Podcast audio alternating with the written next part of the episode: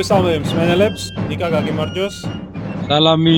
დღეს ჩვენ ისეთ მნიშვნელოვან თემაზე უნდა ვილაპარაკოთ, რომ აი მსმენელსაც დააინტერესებს ჩემი აზრით. ო, ნამდვილად ტულონზე, ხომ? კი, ნამდვილად ტულონის ალყაზე, რომელიც აი რესპუბლიკის პერიოდის საფრანგეთის ისტორიის ერთ-ერთი მნიშვნელოვანი გამარჯვებაა.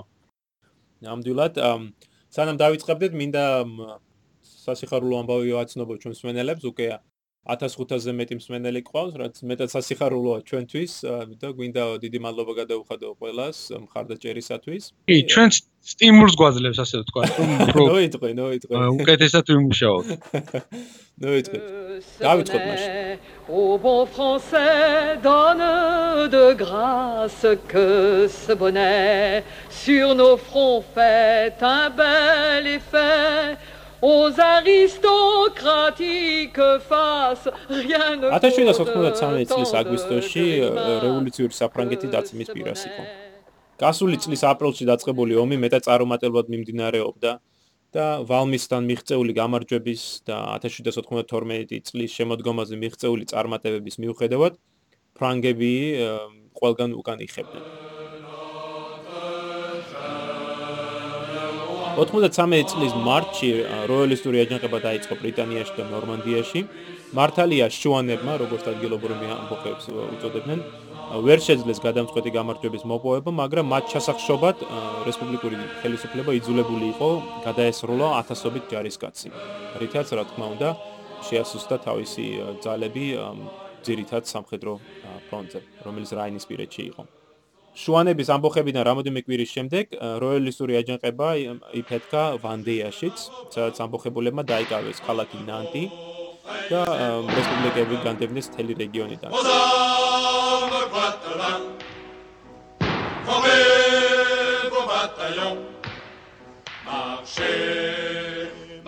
შუანებისგან განსხვავება ამბოხება ვანდიაში მეტად სერიოზული საფრთხე იყო რესპუბლიკისათვის და ამიტომ ხელისუფლება იძულებული იყო 40000-მდე ჯარისკაცი გაეგზავნა დასავლეთ საფრანგეთში, სადაც ყველასათვის მოულოდნელად მათ განიცადეს ორი მძიმე დამარცხება და ზაფხულის მიწურულისათვის შემადგენლობის ნახევარზე მეტი 21000-ზე მეტი ადამიანი დაკარგეს. ამავე დროს სამხრეთ აღმოსავლეთ შარდინიის ჯარმა შეუტია ფრანგულ საზღვრებს ქალაქ ნიცასთან პირენეებში ესპანურმა ჯარმა გენერალ რიკარდოს გამზღანელობით გადალახა საფრანგეთის საზღვრები, დაამარცხა ფრანგული ძალები და ქალაქ პერპინიონისკენ დაიწრა. მარტში, ანუ ეს ყველაფერი ერთდროულად ხდება. მარტში მოკავშირეებმა, პრუსიელებმა, ავსტრიელებმა მოიგერიეს ფრანგული შეტევა ავსტრიულ ნიდერლანდებში, რაც დღეს ბელგია არის. რის შემდეგ ისინი კონცშეტევაზე გადავიდნენ. ავსტრიულმა ჯარმა, რომელსაც ფელმარშალი საქს კობურგი ხელმძღვანელობა დაამარცხა ფრანგები ბელგიაში, განდევნა ისინი ბრიუსელიდან, გადალახა საფრანგეთის საზღვრები და ქალაქი ვალენსიენი ჩაიგდო ხელთ 27 ივლისს. ამავე დროს ავსტრიულ ბრიტანულმა ექსპედიციამ ალყა შემოარტყა ფრანგების ძალებს ქალაქ დიუნკერთან. სწორედ ის ადგილი არის, სადაც მეორე მსოფლიო ომის დროს ხომ ცნობილი ევაკუაცია მოხდა ბრიტანული ჯარის. ამის პარალელურად რაინის პირეთში ავსტრიულ-პრუსიულმა ჯარმა, რომელსაც ბრაუნშვეიგის ჰერცოგი მეთაურობდა, ხელთიგდო ქალაქ მაინცი, ერთ-ერთი ყველაზე მნიშვნელოვანი ციხესიმაგრე სამხრეთ გერმანიაში. 23000 კაციანმა ფრანგულმა გარნიზონმა გამოაცხადა კაპიტულაცია 23 ივლისს, ერთ-ერთი ყველაზე დიდი მარცხია ფრანგული ჯარის ამ პერიოდში. აგვისტოსათვის მოკავშირეები უკვე ალზასში შეიჭრნენ და ეს ეგრეთ წოდებული ვეისენბურგის საფორტიფიკაციო ხაზს, რომელიც საფრანგეთის ძირითად თავდაცვით ხაზს წარმოადგენდა, შეუტიეს. თითქოს ეს არ იყო საკმარისი და ამავე დროს ივნისის გადატრიალების შემდეგ პარიზიდან განდევნილი ზომიერი რევოლუციონერები, ეგრეთ წოდებული ჟირონდინელები, რეგიონებში გაიქცნენ და სამხრეთ საფრანგეთში ანტიაკობინური ამბოხებები წამოიწყეს. აი სწორედ ასეთ არეულ და რთულ დროს 1793 წლის აგვისტოში ერთმანეთი მიყოლებით ამბოხებულ სამხრეთის სამხრეთ საფრანგეთის ქალაქებს ტულონმა წაობა მხარე. ცხოვრების პირობების გაუარესებამ, ეკონომიკურმა კრიზისმა, პოლიტიკურმა არეულობამ, რომ არაფერი ვთქვა რევოლუციის რადიკალიზმისაკენ გადახრამ, ქალაქის ცხოვრებლები საბოლოოდ გადააწყვეტინა პარიზ განდგომოდა და მოკავშირეთა დახმარება ეთხოვა. 23 აგვისტოს ქალაქში ზომიერ რევოლუციონერთა ამბოხება მიფეთქა, რომელიც წინამძღოლებმა მაშინვე დახმარებისათვის მიმართეს მოკავშირეებს. და ეს მოკავშირეები იყვნენ ბრიტანული, ძირითადად იყო ბრიტანული ფლოტი, რომელიც სწორედ ტულონს ბლოკავდა და ამ ფლოტს ხელმძღვანელობდა ადმირალი ჰუდი. საფრანგეთს და ბრიტანეთს შორის რომ ხანგრძლივი დაპირისპირება არსებობდა, ეს ჩვენს ვენელისათვის კარგად ცნობილია. ყველა შორის ისტორიაში და ყოველ შემთხვევაში დასავლეთ ევროპულ ისტორიაში დამკვიდრებული არის ტერმინი მეორე ასწლოვანი ომი, რომელიც მიუთითებს საფრანგეთსა და ბრიტანეთს შორის არსებულ დაპირისპირებაზე 1688 წლიდან 1815 წლამდე, ანუ აი ჩვენ რასაც საუბრობთ, ეს მოვლენები სწორედ ამ მეორე ასწლოვან ომის ფარგლებში ექცევა. და ამ დაპირისპირების გამო, რა თქმა უნდა, ბრიტანელებს ყოველთვის სურდათ თავისი ძირითადი მეტოქი საფრანგეთის საზღვაო ძალების დასუსტებას. ეხლა წარმოვიდგინეთ, წარმოვიდგინეთ ჰუდის რეაქცია, როდესაც მან მიიღო ტულონის მოწვევა, რომ შემოსულიყო ქალაქში. ეს უბრალო ქალაქი ხომ არ იყო, ეს იყო საფრანგეთის ერთ-ერთი საუკეთესო ციხესიმაგრე, სხვა შორის საფრანგეთის ციხესიმაგრეები კლასიფიკაცია არსებობდა და ტულონი პირველხარისხოვან ციხესიმაგრედ ითვლებოდა. უფრო მეტიც, ტულონში არსებობდა საფრანგეთის მთელი ხმელთაშუა ზღვის ფლოტის საზღვაო ბაზა, სადაც განლაგებული იყო 30-ზე მეტი სახაზო გემი, ძირითადი საბრძოლო გემები, არაერთი ფრიგატი და რომ არაფერი ვთქვა, დამხმარე ხომალდებზე. და ამ ყველაფერს, რა თქმა უნდა, ამარაგებდა ათობით საწყობი, თოფხანები და ასე შემდეგ. ჰუდის ალბათ რეაქცია გასაკვირი არ არის, გაოცებული არის ამ მოწვევით.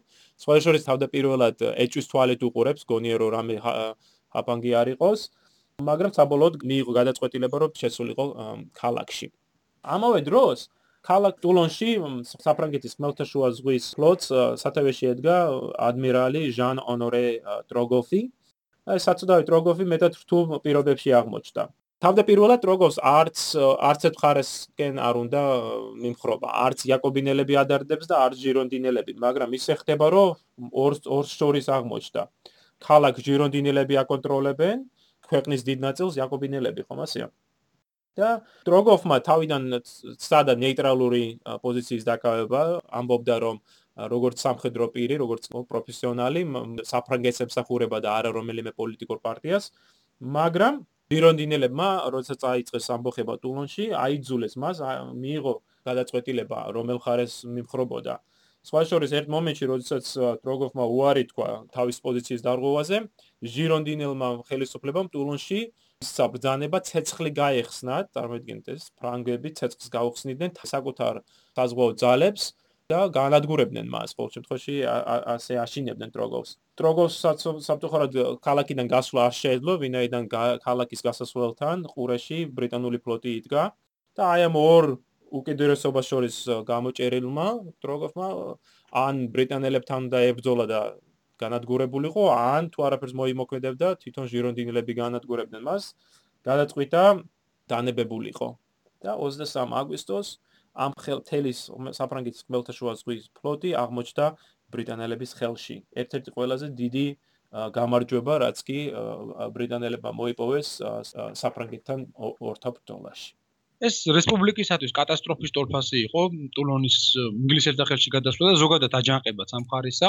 პრინციპში აცხადებდნენ კიდევაც იაკობინელები, რომ თუ ტულონი აუცილებლად უნდა დაბრუნებულიყო ისევ საფრანგეთის შემადგენლობაში, სხვა შემთხვევაში პრინციპში ერთ-ერთი დამღუპელი შეიძლება გამომდგარიყო ერთ-ერთი დამღუპელი მიზეზი რესპუბლიკისათვის და შესაბამისად მალევე ამოქმედდნენ ტულონის საკითხის მოსაგვარებლად. საერთოდ ტულონი ძლიერი ციხესიმაგრე იყო, როგორც ალეკო აღნიშნა, მარშალ ბობანის ბობანის რეკონსტრუირებული იყო მისი თავდაცვითი ნაგებობანი. ეს მარშალ ბობანი, როგორც 18 საუკუნის ერთ-ერთი ცნობილი ფორტიფიკატორი იყო, საერთოდ მრავალი ციხესიმაგრეა გაშენებული საფრანგეთში და თითქმის მთელი საფრანგეთის თავდაცვითი სისტემის სისტემა მის თვით კონსტრუქციაზე იდგა, ასევე როგორც ტულონი.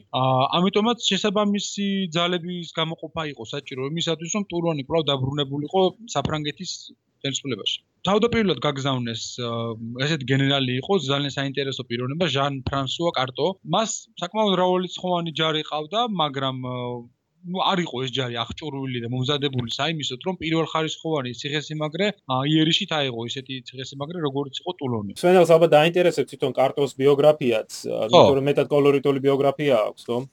კი, ნამდვილად, იმიტომ რომ თუნდაც ეს არის აღსანიშნავი, ეს კაცი ხან ჟანდარმი იყო, ხან დრაგუნთა ასეულში მსახურობდა, ასევე მხატვარიც იყო და სხვადასხვა საკმაოდ კარგად ხატავდა. და მართ დავასრულებთ ვეცდები დაუმატო კარტოს მიერ დახატული ძალიან სახანგრძლივი ნახატი ლუი ლუი მე-16-ის სუნელს დაინტერესებს, იმიტომ რომ ძალიან ძალიან კარგად არის შესრულებული. თანაც ამ რესპუბლიკის პერიოდის ერთ-ერთი კოლორიტული ფიგურა და შეიძლება ჩაითვალოს თუნდაც იმიტომ რომ ის არ იყო სამხედრო გამოცდილება არ ქონდა ფაქტობრივად განსაკუთრებული არც ოფიცერი ყოფილა მანამდე და ასე უცებ სამ თვის განმავლობაში გენერალი გახდა. კარტო? პორტრეტი არის მისი პორტრეტი არსებობს და ისეთი იმერული ულაშები აქვს. და ალბათ საჭირო იქნება რომ დაურთოთ ეს ეს პორტრეტიც რომ მსმენელს შეეძლოს და შეეკნოს შეხედულება ამ პიროვნებაზე. მე იმასაც იმასაც ვიტყოდი რომ ეს ნაპოლეონმა როდესაც იმპერიის პერიოდში ეს ლატარიის თავმჯდომარე დანიშნა ალბათ ზუსტად შესაძერისი სამსახური იყო ეს კარტოსათვის ხო ბოლომდე შეივსო ამ პიროვნება ამით. ხო ტულონთან მან ვერ გაამართლა ხო ალბათ ცოტა წინ გაურვივართ მაგრამ კარტომ ვერ შეძლო ამ ამოცანას ხო თავის გარტნევა და მალე შეცვალეს კიდევაც მაგრამ თვითონ ის ფაქტი რომ ნაპოლეონმა არ დაივიწყა კარტო და უკან და რაღაც დაასაკმა შემდგომ წლებში ძალიან საკმაოდ საინტერესო. ნუ კარტოს თავდაპირველად ტურონის ალყის არტილერიის მეთაური უნდა ყოფილიყო ცნობილი გესეთი ოფიცერი რომელიც შემდგომში ნაპოლეონის ომებშიც მონაწილეობდა თუნდაც ეგვიპტეში ლაშქრობაში დომარტინი. მაგრამ დომარტინი დაიჭრა და გამოეთიშა ტურონის ალყის გარშემო მიმდინარე მოვლენებს და შესაბამისად უკვე როდესაც ამ ხარაში კრისტოფორე სალიჩეტი იყო ეს ნაპოლეონის ცნობილი მეგობარი რომელიც ხელს უწყობდა მის კარიერას ნაპოლეონმა მოახერხა რომ გამხდარიყო ტულონის артиლერიის მეთაური და ჩავიდა იქ სადაც კარტო უკვე იწყებდა ტულონის გარშემო მომზადებას ქალაქის იერიშისათვის. თავდაპირველად როდესაც ჩავიდა ნაპოლეონი ნახა მან რა სიტუაციაც იყო. ქალაქის გარშემო როგორ იყვნენ მომზადებული ფრანგები ამისათვის და ნახა პირველ რიგში ის რომ артиლერისტების დიდ ნაკლებობას განიცდიდა კარტოს არმია. ნუ ეს არ იყო მარტო ერთი პრობლემა ამ არმიის მრავალმხრივ პრობლემური სიტუაცია იყო, თუნდაც თავარსადლი დაწყებული, მაგრამ ერთ-ერთი მნიშვნელოვანი იყო артиლერისტების ნაკლებობა, იმიტომ რომ ასეთი ძლიერი ციხესიმაგრის ასაღებად პირველ რიგში საჭირო იყო კარგი артиლერია. და როდესაც არც артиლერია ქონდა ჯარს და არც артиლერისტები, ვინც ამ артиლერიას გამოიყენებდა, შესაბამისად ტულონის აღებად ფაქტობრივად წარმოუდგენელი იყო და შესაბამისად ხო თუ დააინტერესებს ამის ძირითადი პრობლემა ის იყო, რომ რევოლუციის დროს არტილერისტთა უმეტესობამ ემიგრაციაში წავიდა, ვიდრეაც ისინი თავდაზნაურები იყვნენ. არა მხოლოდ არტილერს ზოგადად ალბათ არმიის ყველაზე განათლებული ნაწილი, ასე ვთქვათ, ნასწავლი ნაწილი არ იყო რესპუბლიკის ჩვენ აღნიშნეთ ერთ-ერთ პოდკასტში, რომ ნაპოლეონის კლასელთა უმეტესობა წავიდა სწორედ ემიგრაციაში. გასული ოფიცრების გამო პრობლემა შეექმნა საფრანგეთის ჯარის ყველა ნაწილს და ყველა სეგმენტში პრობლემა გაუჩნდა. ნამდვილად და ამან გამოიწვია თუნდაც ის წარუმატებლობები არა მხოლოდ ტულონის ომის და თქვა ალყის დასაწყისში, არამედ ზოგადად ფრონტებზე რა რაც ხდება. როცა ნაპოლეონმა ნახა, რომ სულ 23 ზარბაზანი ჰქონდა კარტოს არმიას, ეს 23 ზარბაზანი კი ჰქონდა, მაგრამ უმეტესობა ისეთი კალებრისა იყო, რომელიც არ გამოიყენება ალყის დროს ესეთი ზარბაზნები. და არც ხო артиლერისტებიც არ იყვნენ, ვინც ამას გამოიყენებდნენ. ამიტომ პირველად როდესაც ელაპარაკა ის გენერალ კარტოს, მიხვდა, რომ კარტოს ეს საკითხები არ ესმოდა, საერთოდ ალყა როგორ უნდა წარმოებინა ასეთი დონის ციხესიმაგრისა არ იცოდა და თვალში ქონდა მოწყობილი საარტილერიო ბატარეა კარტოს რომელიც ნაპოლეონის როგორც აღნიშნავს უფრო იმდენად შორს იდგა ციხესიმაგრეს გარო ყუმბარები მაინც ვერ მიწვდებოდა ტულონს და შემდეგ წერდაო რომ ამას სასაცილო რამე ძნელად წარმოსადგენი იყო მაგრამ ნაპოლეონი საერთოდ როგორი ხასიათიც ჰქონდა შესაბამისად დაიწყო მან მოქმედება. შეაწუხა ასე თქვა თავისი ცნობილი მეგობრები ეს კრისტოფორე სალიჩეტი და სალიჩეტი ვიცნობდა აუგიუსტენ რობესპიერსაც რომელიც ნაპოლეონს გაიცნო ამ პერიოდისთვის და ისინი ეცადნენ რომ დახმარებოდნენ ნაპოლეონს ისინი ხედავდნენ პროსტურად რომ მართალ მართალს ამბობდა. ნაპოლეონი შედეგი ფაქტობრივად არ ქონდა ამ კარტოს დაწყებულ ალყას და გადმოზიდეს მართლაც ზარბაზნები საიდანაც შეიძლებოდა ახლო მახლო ტერიტორიებიდან და საარტილერიო პარკის შექმნა გადაწყვიტა ნაპოლეონმა, რომელიც შეძლებდა ეპასუხა იმ ამოცანებისათვის, რაც ტულონის აღება სჭირდებოდა და მართლაც მალე შეაგროვეს სათანადო კალიბრის ზარბაზნები. უმეტესობა იქ სანაპირო ციხესიმაგრეებიდან მოხსნეს ზოგი მარსელიდან და ახლო-მახლო ქალაქებიდან და ასე მეტი ზარბაზანი შეაგროვეს თითქმის. ნუ უმეტესობა ყველა ყველა ზარბაზანი შეიძლება არ იყო გამოსადეგი ქალაქის ალყისთვის, მაგრამ უკვე შეეძლო ნაპოლეონს რომ ეს ზარბაზნების დიდი ნაწილი გამოეყენებინა ტულონის ძინაამდე და ამ გადაწყვიტა რომ ეს ბატარეები მოეწყო უკვე ზღვის პირას უნდა მონიშნა მან ადგილები სადაც უნდა გაეწყო ეს ზარბაზნები და აიძულებინა ინგლისელები რომ დაეტოვებინა პატარა ტულონს ტულონში შესასვლელად იყო ორი ყურე. პირველი იყო დიდი ყურე, შემდეგ იყო კიდევ ერთი პატარა ყურე და ინგლისელთა ფლოტი მოძრაობდა ამ მონაკვეთზე და ნაპოლეონის გეგმით აუცილებელი იყო პირველ რიგში გაეძევებინათ ინგლისელები ამ ყურიდან და შესაბამისად ტულონი უკვე იძულებული გახდებოდა დანებებული იყო ის მოალყე არმიას. საკმაოდ რთული ვითარება იყო და კარტო კიდევ საერთოდ ხელს უშლიდა ნაპოლეონს ამ გეგმის განხორციელებაში თავიდანვე და ალბათ ნაპოლეონიც საკმაოდ ისე უცუდად განწყობილი უკვე კარტოსადმი, იმიტომ რომ ხედავდა ვერ ართმევდა ის თავს ამ საქმეს კარტოს საბოლოოდ ხომ თვითონ კომისრებმა დაინახეს კარტოს რამდენად ხო უნარავო იყო ძალიან და გამოწვალეს მაგრამ საინტერესო ის არის რომ რო გამოწვალეს მისი პირველი შემცვლელი ფრანსუა დოპე ხო? არანაკლები უარესი იყო ის ის პროფესიით ექიმი იყო ხო პროფესიით ექიმი იყო და არც დოპეს გამოუვიდა მოკლედ. რამე არ საბოლოოდ ხო მაირჩი ხო ვერც ვერაფერს ვერც ვერაფერს გაფუჭება მოასრო განსაკუთრებულის მაგრამ ვერც ვერაფერი გააკეთა და ბოლო ბოლო მოიწვიეს ფრანს ჟან ფრანსუა დიუგომიე. 55 წლის დაიბადა ფრანგების კოლონიაში გვადალუპაში გამოიჩინა თავი 7 წლიან ომში და შემდეგ რევოლუცია რო დაიწყო 1790 წელს, შორის მსახურობდა კუნძულ მარტინიკაზე, მაგრამ შეძლო იქიდან თავის დაღწევა და საფრანგეთში ჩამოვიდა 91 წელს. და შემდეგ რევოლუციურ ჯარში განაგრძო მსახურობა და 93 წლისათვის უკვე დივიზიის მეთაურობა ჩაებარა. ჯუგომიე საკმაოდ ნიჭიერი კაცი იყო და მან თავიდანვე დაინახა ხომ ნაპოლეონის გეგმის მართებულობა. კი, ნაპოლეონის საქმე გაურთულა პირველ რიგში იმანაც, რომ ის თავიდან გეგმავდა დაეკავებინა ნახევარკუნძულის, ანუ კერის ნახევარკუნძული არის იქ ტულონთან, რომელიც რომელიც აკონტროლებს ამ ყურეს, გადახურებს ყურეს და იქ უნდა ორი საზარბაზნო ბატარეა მოეწყო, ერთი ეგიესთან და მეორე ბალაგიესთან, ეს ორი ნახევარკუნძულზე ორი კონცხია. აა მაგრამ როცა დაგვიანდა ამ ყველაფერს გაკეთება, ინგლისელებმა პრინციპში მიაქციეს ყურადღება იგივე პოზიციებს და სხვათა შორის მძლავრი ციხესიმაგრეც კი ააშენეს აქ გადმოსხეს ჯარები, ააშენეს და დაარქვეს მცირე ჰიბრალტარი. ფანგებო ციხესიმაგრე არა, უფრო ხო, ციხესიმაგრე რედუტიფიკაციო ნაგებობა, ხო? ხო, რედუტი, ანუ მიწაყრილით და ბატარეი, ზარბაზნების ბატარეით. ფრანგების გართულდა მდგომარეობა რა საკვირველი, იმიტომ დამატებული იყო უკვე ეს ფორტიფიკაციებს დამატებული ეს კიდევ ბრედუტი რედუტიგა ინგლისელებისა, რომელიც საკმაოდ კარგად იყო გამაგრებული და ამ ბრედუტის ასაღება ცალკე დასჭირდა ნაპოლეონს ძალისხმევა ცირე ჰიბრალტარზე და 17 დეკემბერს დაიწყეს შეტევა მცირე ჰიბრალტარზე უკვე დიუგომიეს მართლობის პირობებში. და მეწინავე კოლონებს თვითონ დიუგომი მეთაურობდა. სარეზერვოს კი ნაპოლეონი ედგა სათავეში და მართლაც აიღეს მცირე ჰიბრალტარი რა დროსაც ნაპოლეონი პირველად დაიჭრა. ბრძოლაში ხიშტით დაჭრეს ოფერში როგორც ვიცით.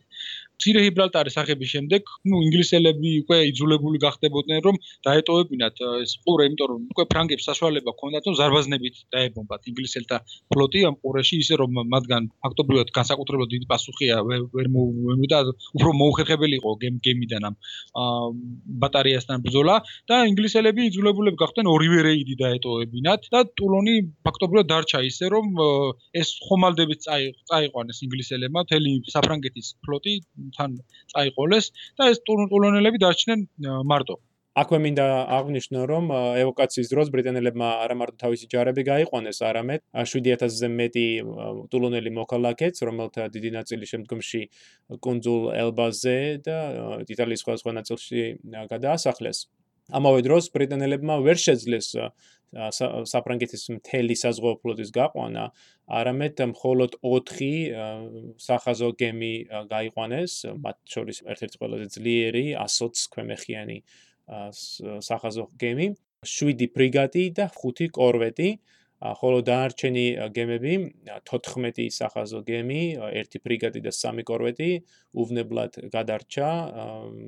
მართალია ევაკუაციის დროს ბრიტანელებმა ცეცხლი წაუკიდეს ზოგიერთ მათგანს, ასევე პორტებარე ზოგიერთ შენობას, მაგრამ ქალაქში შესულმა ფრანგულმა ჯარებმა შეძლეს ამ ხანძრის ჩაქრობა.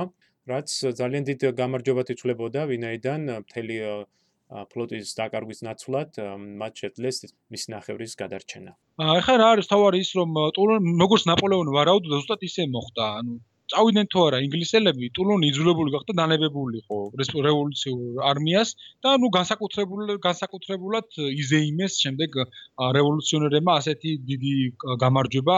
რაც განსაკუთრებით მნიშვნელოვანი იყო თუნდაც იმიტომაც რომ ამდენი მარცხის შემდეგ რომელსაც საფრანგეთის რესპუბლიკა განიცდიდა ეს იყო პირველი ერთ-ერთი დიდი გამარჯვება, რომელმაც ასე ვთქვათ, იმედი დაუბრუნა რევოლუციონერებს, რომ საფრანგეთი შეძლებდა ამ სიტუაციიდან გამოსვლას და კვლავ მოწინააღმდეგის მოგერიებას თავის საზღვრებიდან. ნამდვილად ნიკა, ასევე მინდა აღვნიშნო, რომ ტულონის აღება არ მნიშვნელოვანი იყო არა მარტო ნაპოლეონის კარიერისათვის, არამედ აქ ვიბრძოდა არაერთი შემდგომში ცნობილი სამხედრო პიროვნება, კლოდ ვიქტორი, შემდგომში მარშალ ვიქტორი 29 წლის მოხალისე იყო და რომელიც ასევე ხო, საინტერესო პიროვნების მოხალისეთა ბატალიონში მსახურობდა. ასევე იყო ჟიუნო ასევე.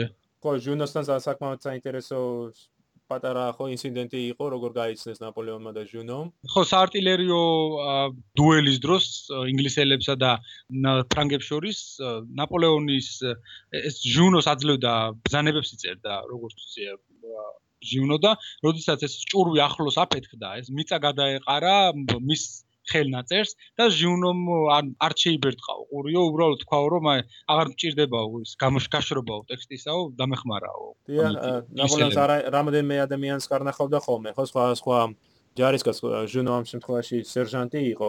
უნებრივი არ აქცევდა ყურადღებას ვის რა კარნახავდა მაგრამ აი ჟიუნოს სიმამაცემ ეს მოხერხებულობამ ყურადღება მიიქცია და ამის ამიერიდან ხო ეს ჟიუნო და ნაპოლეონი ერთად იქნებიან. ასევე აქ იყო ტულონთან იყო ლუი სუშე 23 წლის პოდპოლკოვნიკი ისიც მოხალისე იყო მეოთხე არდეშის მოხალისეთა მეოთხე ბატალიონში შემდგომში ცნობილი მარშალი.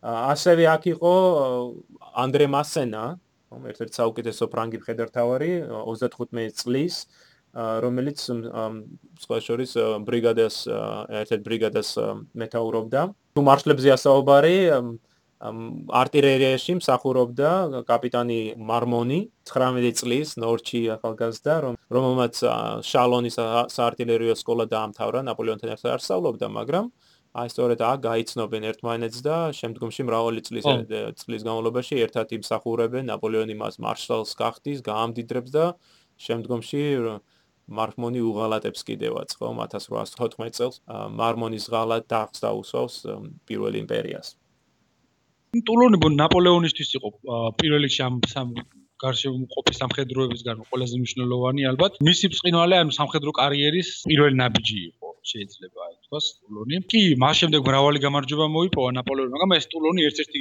განსაკუთრებული დარჩა სწორედ ამის გამო. გამოჩნდა პირველად, როგორი მხედართავარი იყო ნაპოლეონი ამ ბრძოლაში, იმიტომ რომ უკვე მასშტაბები გაზრდილი იყო, მას მოუწია ერთ-ერთი ყველაზე დიდი ციხესიმაგრის წინააღმდეგ ბრძოლა და ფაქტობრივად მისი გეგმით აიღეს ტულონი. ტაქტიკური ალღოც გამოავლინა, პოზიციური ხედვის უნარი ჰქონდა, ორგანიზატორული ნიჭი რაც თავარია.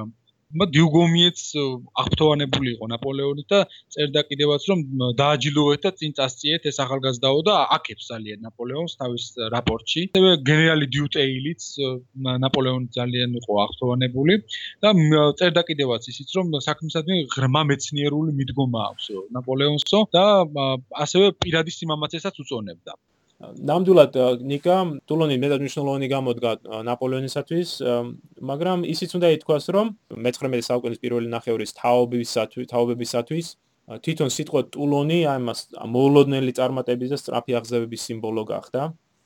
მე მახსენდება მაგალითად რუსი მწერლის ხო ლევ ტოლსტოის სახელგანთმულ ნაწარმოებში ომი და მშვიდობა ერთი მომენტი, როდესაც თავადი ანდრეი ბოლკონსკი გაიგებს, რომ ნაპოლეონის ავანგარდი დუნაიზე გადადის და ბრუნისკენ მიემართება. ბოლკონსკის გონია რომ შესაძლებლობა აქვს დაამარცხოს ეს ფრანკთა შენაერთი და მას პირველი თავში რაც მოსდის არის ტულონი. და ტოლსტოი წერს რომ ეს სნობამ წარე და ამავე დროს ასიამოვნო იყო ანდრეისათვის როგორც კი მან რუსული არმიის გამოუსვლელი მდგომარეობის შესახებ შეიტყო მაშინვე დაებადა აზრი რომ სწორედ ეს არის ის ტულონი რომელიც მას უცნობ ოფიცერთა რიგებიდან გამოიყვანს და დიდების კენ მიმავალ გზას გაუხსნისო. და აი ბევრი აპირონებისად, ბევრი ახალგაზრდისათვის თვითონ ტულონი ასწორე ტოლსტოის სიტყვის არ იყოს დიდებისაკენ დიდებისაკენ მიმავალი გზის გამკლევად იქცა.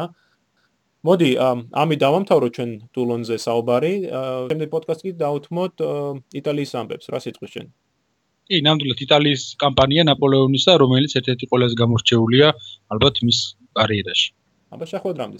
მომავალ შეხვედრამდე.